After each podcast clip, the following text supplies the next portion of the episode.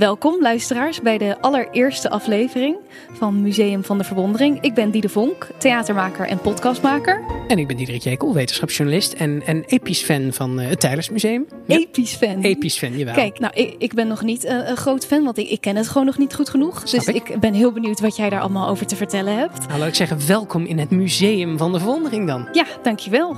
Um, in deze eerste aflevering zijn we in de ovale zaal.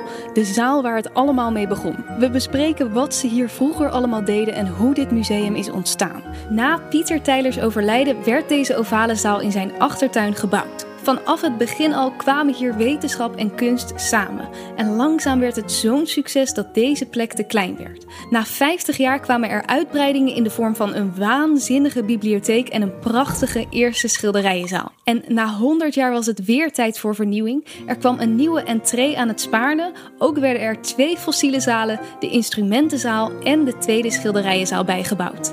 En na weer 100 jaar in 1996, dus nog niet zo heel lang geleden, werd er een nieuwe vleugel geopend met onder andere ruimte voor tijdelijke tentoonstellingen.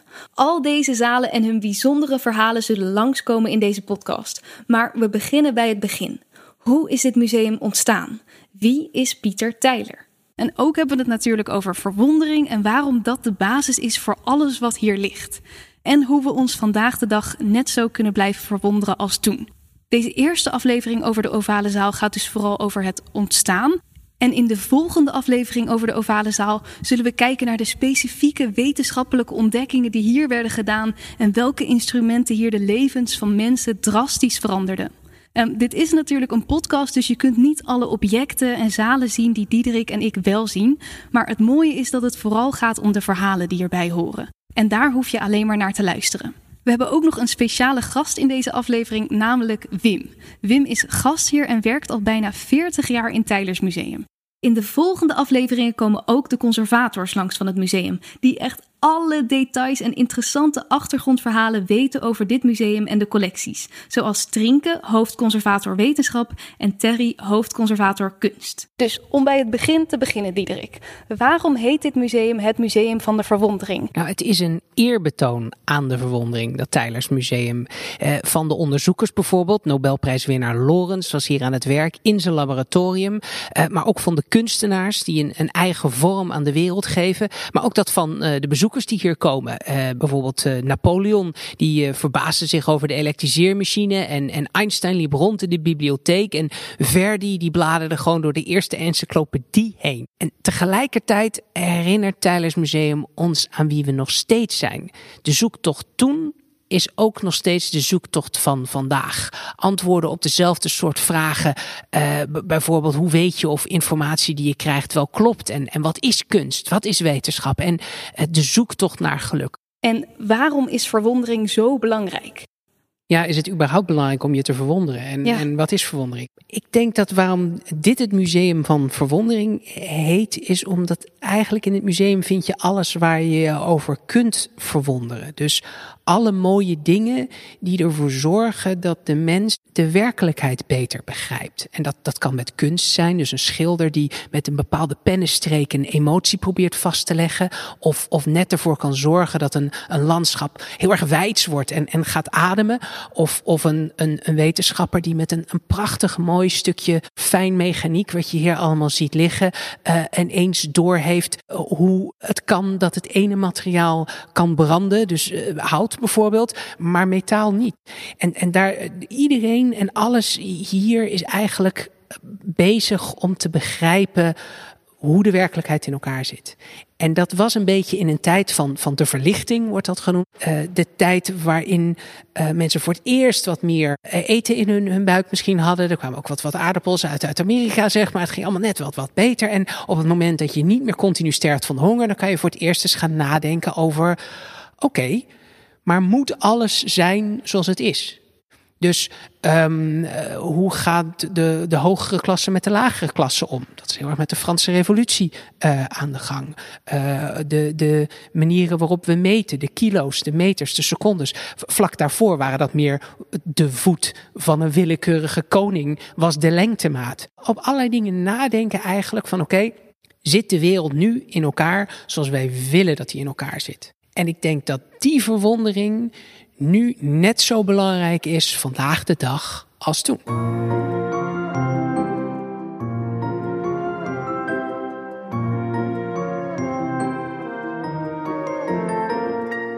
Ja, dus het, het, museum is vernoemd naar Pieter Tyler van der Hulst. Um, en dat was dus eh, echt een, een 18e eeuwse zijdefabrikant. En die is enorm vermogend geworden uh, als bankier.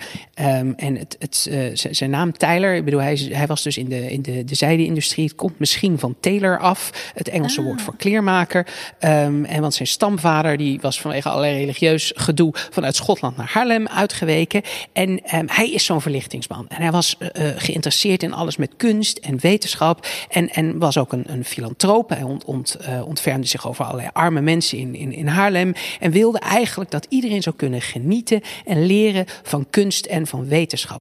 Want die Pieter Tijler, een, een zijdefabrikant, een hele rijke man, denk ik ook. Zeker, hij is bankier geworden en daar heeft hij heel erg lekker uh, uh, aan verdiend, zou ik maar zeggen. En op een gegeven moment had hij, was hij overleden en had een legaat van 2 miljoen gulden achtergelaten. Nou, omgerekend naar nu is dat 80 miljoen euro, euro Dus die heeft het wat dat betreft um, uh, heel erg goed gedaan. En hij wilde dus um, uh, dat er een, een, een, plek zou zijn waar mensen samen kunnen komen om kennis op te doen. En, en kunst en wetenschap zou bevorderd moeten worden.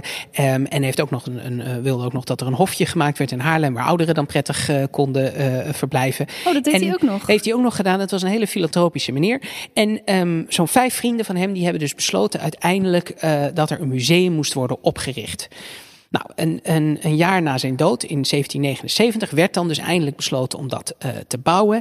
En in zijn tuin werd toen de ovale zaal gebouwd waar wij nu uh, met z'n tweeën staan. Oh, grote tuin had hij ook. Uh, een stevige tuin, absoluut. En um, eigenlijk is dus het museum bizar uniek omdat het dus niet een omgebouwd paleis is of wat dan ook. Maar het is echt dus bedoeld om mensen van kennis te voorzien. Daarvoor is het gebouwd. En, en die deuren die zijn geopend in 1784. En sindsdien is eigenlijk de collectie en die deuren die ik net noemde... zijn eigenlijk pretty much ongewijzigd gebleven. En, en ja, dat, dat is dus gewoon eh, heel bijzonder. Mhm. Dat, dat is bijna nergens ter wereld überhaupt. Dat je gewoon alles nog bij elkaar hebt dat je gewoon in Barabbas zijn teletijdsmachine staat. Ja, zo voelt het ook echt. Maar dus ook door uh, oorlogen heen uh, heeft het allemaal overeind uh, kunnen blijven staan. Ja, dit, dit, ik bedoel 1784, dat is pretty much smack them Franse revolutie, weet ja. je wel. Dat is, Amerika was echt ongeveer aan het, aan het starten. En, en in al die tijd is het dus ongewijzigd gebleven. Ik ben om eerlijk te zijn ook een beetje overweldigd, want het is nou, het is best wel een hele mooie zaal. Uh, ik voel me een beetje alsof ik in een film sta. Of, ja, het is een uh, soort kostuumdrama hier. Ja, met die mooie jurken en uh, dat iedereen hier dan zo langs die balkonnetjes stond. Ik zie dat wel voor me. Wat je hier ruikt, wat hier gebeurt, dat heeft mijn bed, bed, bed, bed, bed, bed overgrootvader moet dat ook hebben gezien. Hier heeft de tijd gewoon eventjes twee eeuwen ruim stilgestaan. Ja. Ja, dat is wel te gek om te bedenken dat zij hier dan ook misschien stonden bij deze apparaten. Want we worden ook omringd door ja, allerlei kasten met een soort, ja, hoe zal ik het noemen? Apparaten? Ja, dit zijn uh, onderzoeksinstrumenten die de mensen gebruikt hebben in die tijd. Om eigenlijk alles wat we nu voor lief nemen, wat we heel erg logisch vinden, om dat toen uit te zoeken.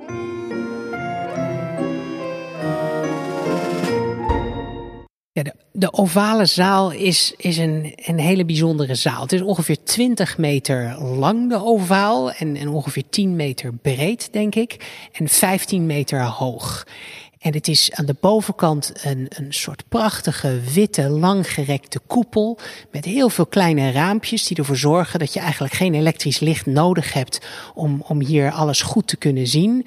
En overal zijn de mooiste details in het witte pleisterwerk gemaakt. En onder die witte koepel zie je um, allerlei groene gekke gordijntjes. En daarachter zitten de, de, de belangrijkste uh, boeken uit die tijd en encyclopedieën. Dat is ook echt de tijd van, van, van de eerste encyclopedie, van, van, van Diderot en zo. En die, die mensen die dachten, we moeten eigenlijk alle kennis in de wereld moeten we gaan zien te verzamelen.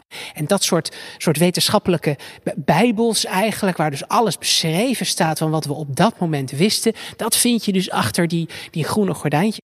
En ja, dan, dan zie je daar, daar omheen in het midden natuurlijk die, die prachtige goudkleurige balustrade met daaronder ja, allemaal uh, ja, hout bewerkt soort, ja wat zijn het, wijnbladeren? Ja, soort uh, druivenbessen. Druiven, precies. En, en het is heel, heel mooi, alles in, in mooi blank uh, hout uh, afgewerkt. En dat, dat, dat was ook uh, de, de architect, Leendert Viervand, die, die, die zei van binnen getimmerd van allerbest wit eikenhout dat zonder schilderen moet blijven.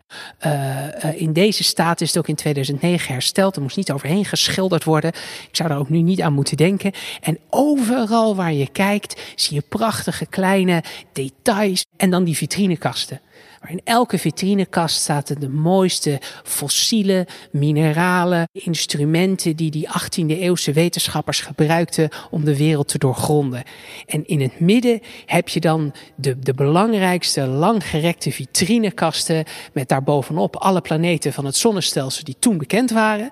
Dus daar zie je de, de, de zon uh, staan, dat, dat, dat, dat piefje daar, daarboven, daar, daar aan het einde. Een beetje een raar driehoekje.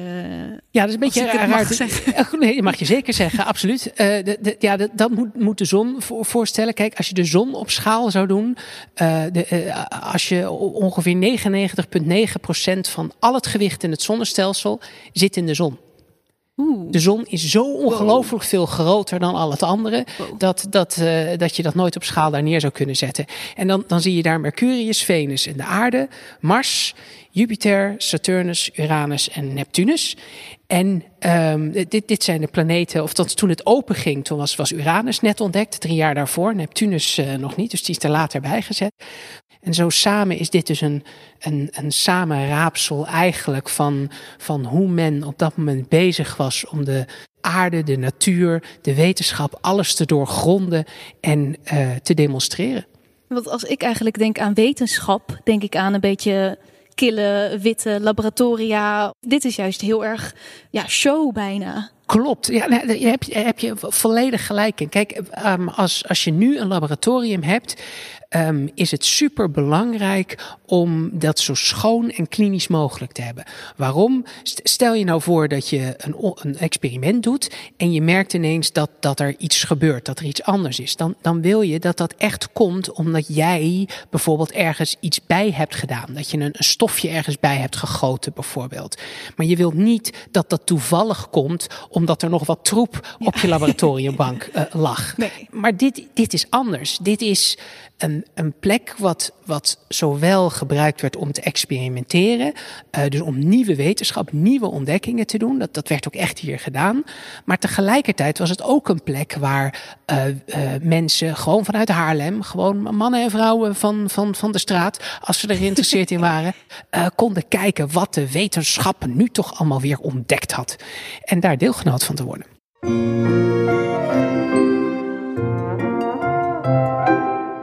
Wie er ook heel veel weten van dit museum zijn natuurlijk de mensen die hier al heel lang werken. Um, ik sta nu naast eentje daarvan en dat is Wim. Wim, hallo. Hallo Diede. Leuk je te ontmoeten. Leuk jou te ontmoeten. Hoe lang werk je hier al? Uh, ik ben in oktober 1982 ben ik hier begonnen. Oeh, wow, dus dat als ik even zo uitreken, bijna 40 jaar. Bijna 40 jaar. En misschien moeten we jou ook even introduceren, want uh, hoe, hoe, hoe noem je jou? Beveiliger, gastheer? ik, ik noem mezelf gastheer. Gastheer. Officieel ben ik beveiliger. Maar toch liever gastheer. Ja, maar ik ben eigenlijk gastheer. Vind ik prettiger klinken. Ja, gezelliger dus, ook. Ja, heel veel mensen hebben toch een beeld van een beveiliger van... Uh, maar boven elkaar en heel streng kijken en zo. Ja. En we moeten ook wel streng zijn, soms. Zeker. En gelukkig hebben we niet heel veel mensen die nare dingen doen, waardoor we echt. Uh, Zijn er hier wel eens dingen voorgevallen dat je echt te hard moest ingrijpen? Uh, niet hard ingrijpen. We hebben één keer met z'n drie in totaal uh, iemand die behoorlijk uh, aan de drank was geweest naar de uitgang begeleid. In de ingang was hij, de entree was hij nog redelijk niet nuchter, maar nog normaal. Maar hij begon wel steeds wat lawaaiiger te worden. En toen hebben we hem dus een beetje voorzichtig maar Van, ja, met een pratend en zo naar de uitgang. Uh, We gaan even gezellig die kant op. Precies. Ja, want het lijkt me best wel spannend hier met al die super waardevolle dingen. Uh, ja, maar ik ga er zelf een beetje van uit, althans dat is ook mijn ervaring, dat het meeste wat hier gebeurt is eerder per ongeluk dan met opzet. Maar 40 jaar, Wim, dat is gewoon een hele lange tijd. Wat is er aan het Tylers Museum dat zo blijft boeien? Uh, de diversiteit van de collecties is, is, is waanzinnig. En de Had je altijd al een liefde voor kunst, nee, wetenschap? Nee, eigenlijk niet. Nee? En toen ik kwam solliciteren, dat zal in de laatste week van september zijn geweest, 82 kwam ik dus bij de hoofdingang binnen aan het Spaarne. Toen moest ik toen nog aanbellen. En ik werd doorverwezen naar de ovale zaal. Dat is de zaal waar we nu staan. En daar zou ik worden opgehaald door de heer uh, Van Bos en Buisman. En nou, hij ging allerlei vragen stellen en zo. En of ik van kunst hield. Ik denk, laat, laat ik maar ja zeggen, want anders hoef ik niet meer terug te komen. Dus nou ja, en ik mocht de week erop beginnen. Ja. En het was hier toen vrij rustig. Wat, wat deed jij dan de, de hele dag? We mochten niet zitten. Okay. Alleen de conciërge, de heer Tijl, die mocht. Die zat bij de ingang. En die liet ook de mensen binnen? Die liet de mensen binnen, die verkocht kaartjes. En ik moest eigenlijk de rest van het museum in de gaten houden. In je eentje, dat is best wel een uh, flinke taak. En bijna geen bezoekers. En toen, ik ben gedichten gaan schrijven. Wat goed, deed je dat sowieso of was het gewoon Nee, niet je echt, maar er waren hier allerlei dingen die mij inspireerden en zo. En... Heb je er eentje? Ik ben nee, heel toevallig, benieuwd. Toevallig niet, of met opzet niet. Dus dat... en, en waar schreef je dan over?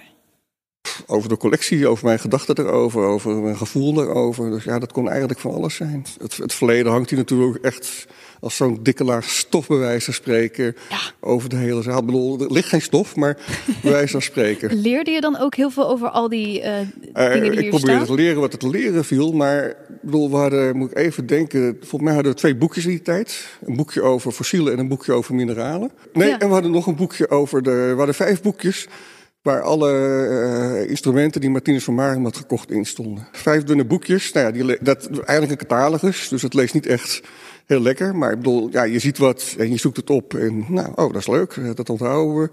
En dan onthoud ik ook niet alles van, want er zijn ook dingen die ik denk van, ja, dat is niet helemaal mijn ding. En wat was wel jouw ding uit die... Uh... Ja, er staat in de ovale zaal staat een dubbele uh, luchtpomp. Daar kon je twee dingen mee doen. Je kon, er zit een cilinder op, een glazen cilinder. Ja, want ik zie ook een soort van stuur wat lijkt op een schipperstuur. Ja, nou, die kon je ronddraaien en dan kon je wat er, die glazen pot uh, kon je vacuüm trekken. Mm -hmm. Dus de lucht eruit trekken. Ja. En je kon de lucht inpompen, waardoor wat er eens zat onder druk kwam te staan. Ja. En het leuke vind ik dat Martinus van Maren was op een gegeven moment bezig met een proef. Ja. En heel veel dingen deed hij niet met opzet, maar hij schreef het wel allemaal op. En in dit geval had hij ammoniakgas uh, erin gestopt. Ja. Dat doen we nou volgens mij niet meer zomaar, maar goed, dat doen we nog wel. en dan ging dat onder druk brengen. Ja. En toen zag je dat er condens ontstond aan de binnenkant van het glas. Schreef hij op. En als ik het goed heb, is hij daarmee de eerste die een gasvloeibaar maakte. Oh, wow. En dat ding staat dus daar. Ja. En dan is het ook wel weer leuk. Kijk, dit ding, het ziet er ook nog mooi uit. Ja. Dat, dat mocht toch in, die tijd, in de tijd van Van Maren. Ja, dat vind ik wel leuk. Hier inderdaad ook die elektriceermachine. Daar zitten ook allemaal ja. mooie uh, soort van bloemachtige Het moest allemaal mooi in. zijn. Als het in de 19, eind 19e eeuw gemaakt was, was het gewoon allemaal recht toe recht aan geweest. Ja, dus echt ook weer ja. die, die, die En dat maakt ook deze zaal eigenlijk zo Ja. bijzonder. Dit is een, een, een zaal, dat heb je misschien al gehoord van iemand anders, uh, in de neoclassicistische bouwstijl. En alles moest symmetrisch zijn in deze zaal. Oh, Dat is ook de reden dat je daar, die deur, daar zit verder niks achter. ja. Want als je straks naar, als je naar die trap zou lopen, dan kijk je erachter. Oh, er zit helemaal En er niks. zit gewoon een muur. Dus. Maar er zit gewoon een deur Maar er omdat zit aan de een deur, overkant omdat ook... daar ook een deur zit. dat geldt ook voor die boekenkast daarboven. Daar zit niks in. De rest naast de trap. Daar zit ook niks in.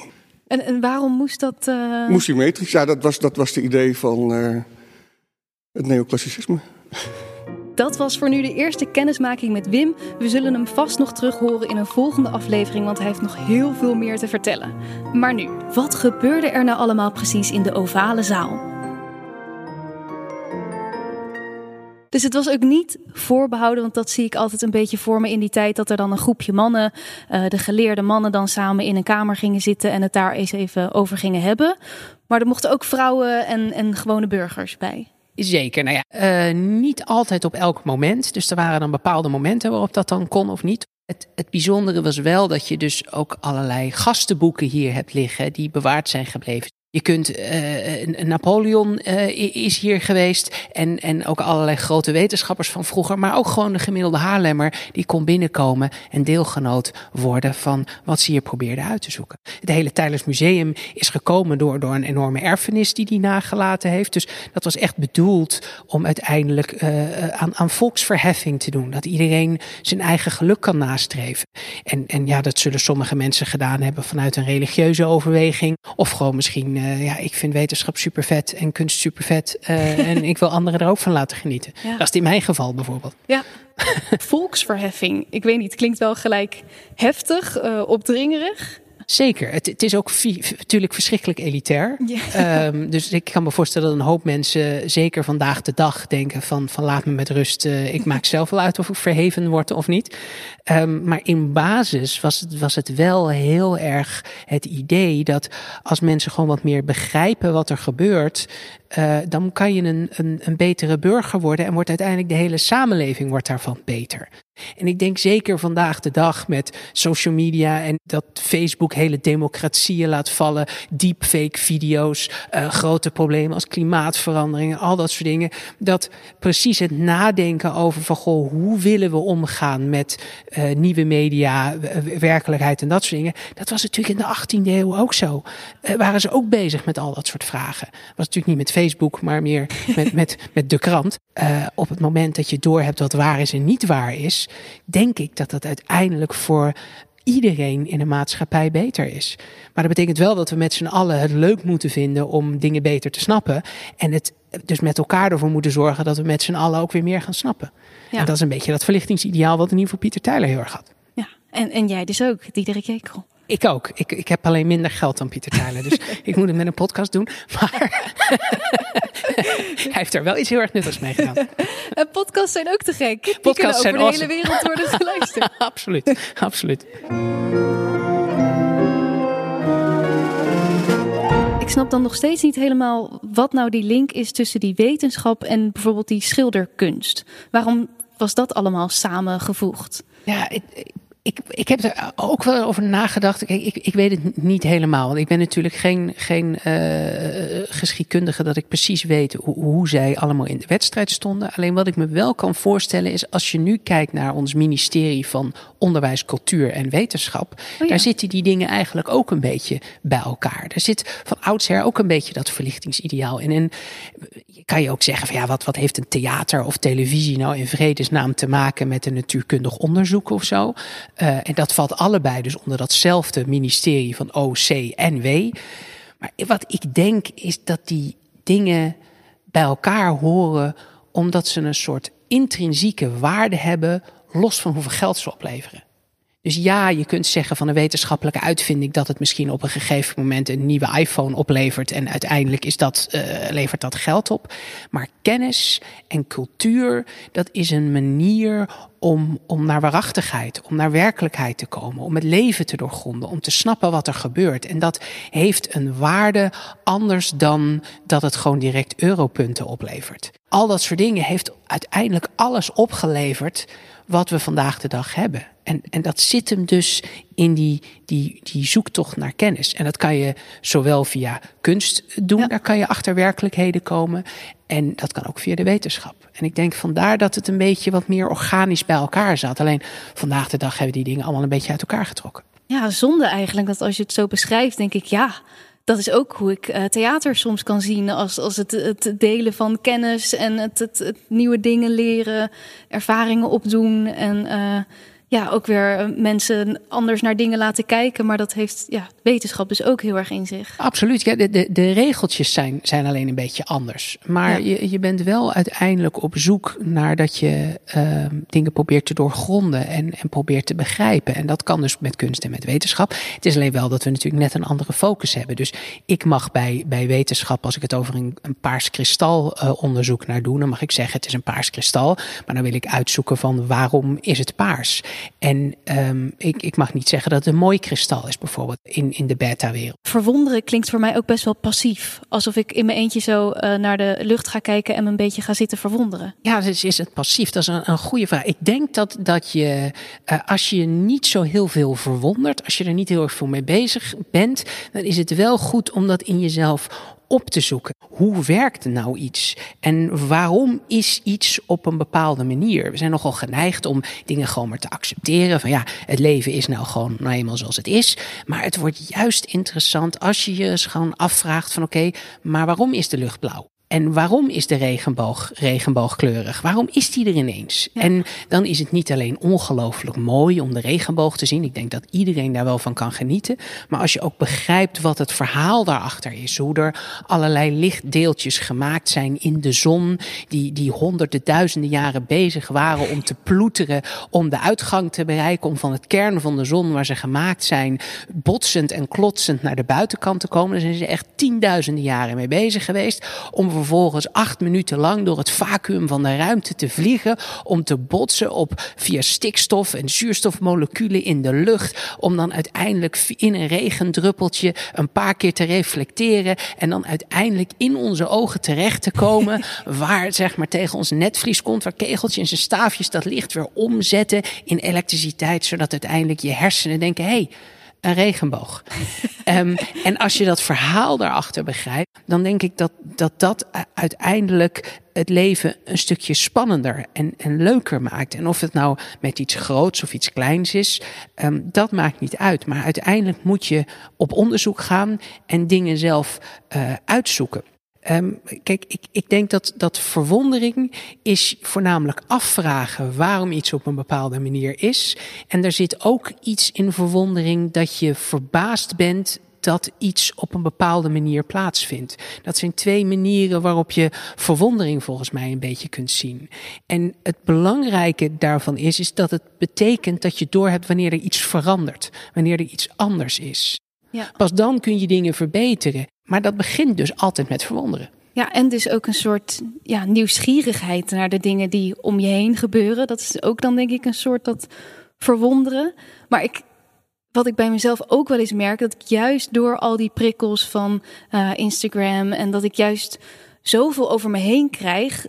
Ik vind het soms best wel lastig om ja, als ik niet in zo'n prachtig museum sta als dit, of bij een mooie voorstelling of bij mooie muziek, om me dan nog elke dag te blijven verwonderen. Kan ik me totaal voorstellen. Alleen ik denk wel dat als je weer uh, een beetje, ja, hoe zeg je dat, het, het soort teruggrijpt dat je zelf uh, een beetje zelfbeschikkingsrecht over die verwondering hebt, dat je gewoon dat dat heel erg prettig is. En ik denk dat we met z'n allen dat het dus heel erg goed voor onszelf is, dat het lekker is, dat het evolutionair in ons zit om te verwonderen.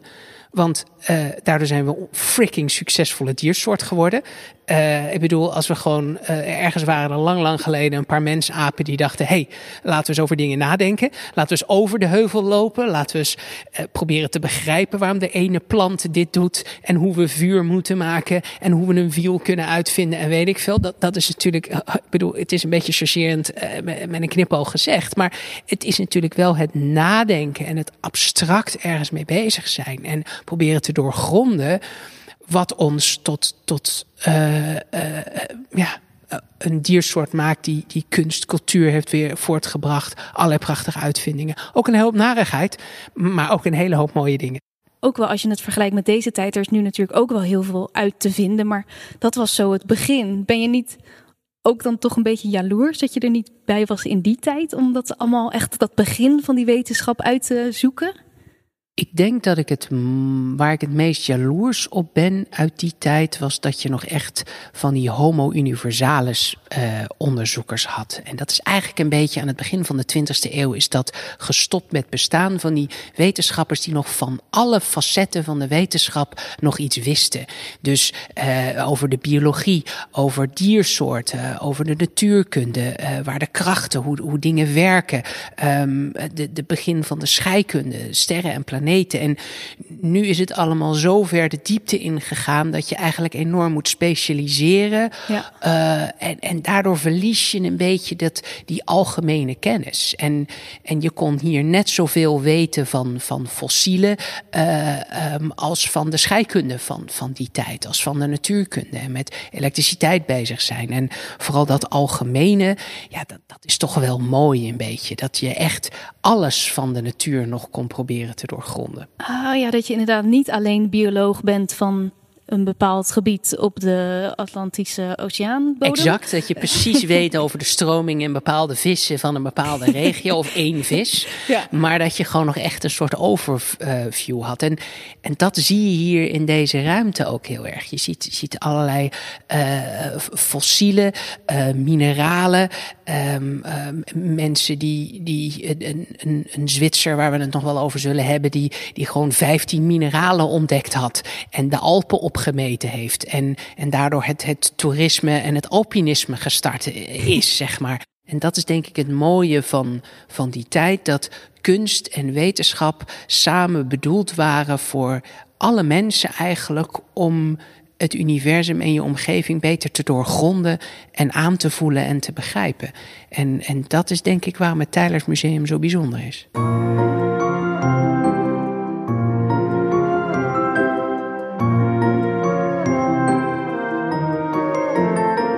Dus deze plek zelf was echt het laboratorium? Ja, het is eigenlijk een soort voorloper van een laboratorium. Dus um, in principe is daar nooit de bedoeling dat, dat mensen uh, uh, komen die, die niet onderzoekers zijn. Maar, maar de, de basis is uiteindelijk hetzelfde. Je probeert dus te ontdekken hoe de wereld werkt. Er waren allerlei dingen waar mensen dus heel erg verbijsterd over waren in, in die tijd. En een, en een mooi voorbeeld misschien van, van iets wat, wat, wat hier dan, het type onderzoek wat hier dan onderzocht werd, is hoe kan het nou dat sommige dingen in, in brand vliegen en, en andere dingen niet?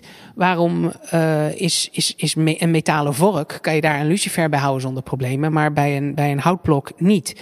Nou, wat is dan anders aan hout dan aan metaal? Maar ook wel spannend om dat in deze houten zaal te gaan uitzoeken. Uh, zeker, maar daar, zeker, maar daar hadden ze dus uh, instrumentjes voor om dat, om dat inderdaad heel, heel verstandig te doen. Maar, maar stel je nou voor dat je, dat je aan, aan jou uh, zou vragen van, en je weet helemaal niks van hout of van metaal. Um, wat zou dan aan hout anders zijn dan aan metaal? Ja. Dan, dan, dan ga je een beetje nadenken als wetenschapper. En kan je misschien wel voorstellen dat je dan zegt van nou, misschien zit er in sommige materialen iets wat, wat als je het aansteekt eruit komt en brandt. Ja. Uh, dat noemden ze phlogiston. Dat was het idee dat ze dachten dat is een soort onzichtbaar, reukloos, geurloos materiaal wat, wat, wat in uh, brandbare dingen zit. En, en dat kan, kan branden. Nou, dat was een beetje de, de, de heersende theorie in die tijd. En toen was er een, een, een, een eh, Fransman, Antoine Lavoisier. En dat is een, eh, de, de, de wordt ook wel de vader van de scheikunde genoemd. En die dacht op een gegeven moment van nou laat ik dat eens dan uitzoeken of, of, of dat zo is of niet. En toen had hij een heel erg mooi apparaat gemaakt um, waarin hij uh, bepaalde stoffen kon aansteken.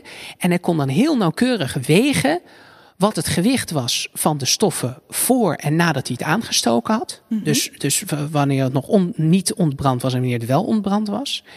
En hoe zwaar de lucht woog waarin dat spul net in brand vloog. Oké, okay, wacht even hoor. Dit moet ik even. Snap ik. Dus ik, ik steek iets aan. Ja. En um, wat, hij, wat hij merkte was dat hetgene wat hij aangestoken had, mm -hmm. dat werd, was na het verbranden zwaarder geworden. En hij ontdekte dat de lucht waarin dat gebeurde, dat die lucht precies evenveel lichter was geworden. Aha. Oh, dus je verbrandt lucht. Nou, wat er gebeurt, ja, wat er gebeurt is je haalt iets uit de lucht, was samengeklikt met dat brandbare spul en dat was de verbranding. En daarmee heeft hij zuurstof ontdekt. Zuurstof is hetgene wat aan een, aan een brandstof vastklikt bij een verbranding. Dat is een verbranding. Daarom heb je ook, uh, um, als je iets blust, kan je dat doen door de zuurstof weg te halen. Uh, want dan is niks meer onderaan vast te klikken. Ja. En daarmee heeft hij dus die hele phlogiston-theorie van dat er iets in zit en als magisch naar buiten komt, dat heeft hij dus weggehaald. Nou, daar moet je dus allemaal instrumentjes voor hebben die heel nauwkeurig dingen kunnen wegen. En dat is nou typisch het type instrument wat je hier ziet. Ah, oké. Okay. Was die Lavager dan ook de persoon eh, die dat hier heeft uitgevonden? Was dat echt hier?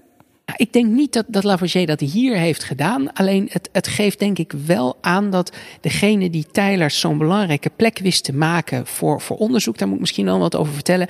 die heette uh, Martinez van, van Marem. En dat is de eerste museumdirecteur hier, die uh, direct uh, bij de opening zo'n 50 jaar zeg maar hier de baas was. En die heeft dit echt tot, tot het grote, echt wel een wetenschappelijk belangrijk punt gemaakt. Dat um, uiteindelijk had hij gesprekken met, met, met, met dit soort uh, mensen zoals als, uh, Lavoisier, maar ook met, met hele andere rocksterren van de wetenschap, echt de helden uit het vakgebied. Dus die, die Lavoisier, dat is de, de stichter van de scheikunde zo ongeveer. Maar had ook, um, en daar zullen we het in een andere uitzending ook nog wel over, over hebben, met een, een Franse paleontoloog, Georges Cuvier had hier een gesprek. En dat is echt de stichter van de, de paleontologie. En, en dus, dus, dus dat is degene die bedacht heeft dat dieren uit kunnen sterven.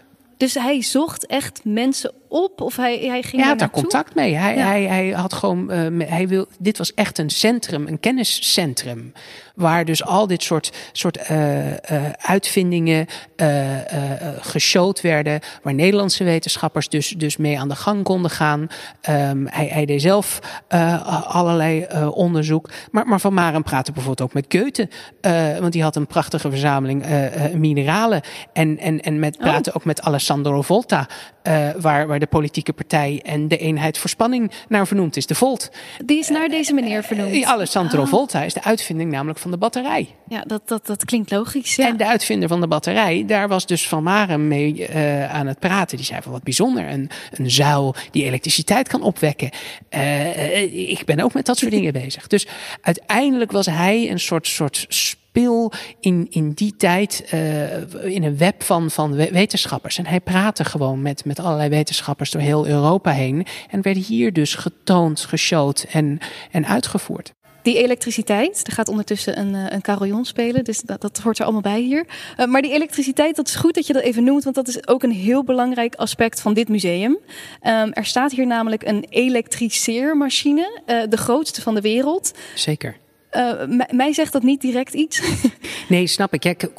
Um, vroeger had je niet uh, een stopcontact waar elektriciteit uitkwam. En je moet het zo voor je zien: de grootste wetenschappers uh, van de 18e eeuw hadden net de eerste elektriciteitsdingen ontdekt. Um, en waren aan het experimenteren. Hoe werkt dat? Hoe zit dat? En zo'n elektriseermachine was een manier om elektrische vonken te maken. Om een beetje de eerste start van, van de elektriciteit te maken voordat je stopcontact contacten of, of batterijen had en zo. En dus het was heel belangrijk voor onderzoek om te begrijpen, hè, hoe werkt dit eigenlijk? Dat nieuwe gekke ding, die krachten die we elektriciteit noemen. Ja, en ze deden daar volgens mij ook best wel uh, bijzondere onderzoeken mee. Bijvoorbeeld iets met uh, geëlektrocuteerde alen en koeien, heb ik begrepen. Maar dat gaan we volgende week allemaal horen. Cliffhanger. Uh, want Trinke, conservator, die gaat ons daar dan ook iets meer over vertellen. Want jij weet natuurlijk heel veel over dit museum. Maar er zijn gewoon mensen die er nog meer van af weten. Zij weet echt alles. Ja. Absoluut. Absoluut. En we gaan ook volgende week iets horen over jouw favoriete dingen uit deze zaal. Yes. Heb je daar misschien al een, een mini hint uh, ja, we gaan uh, naar, naar grote hoogtes met, met de top van, van een berg.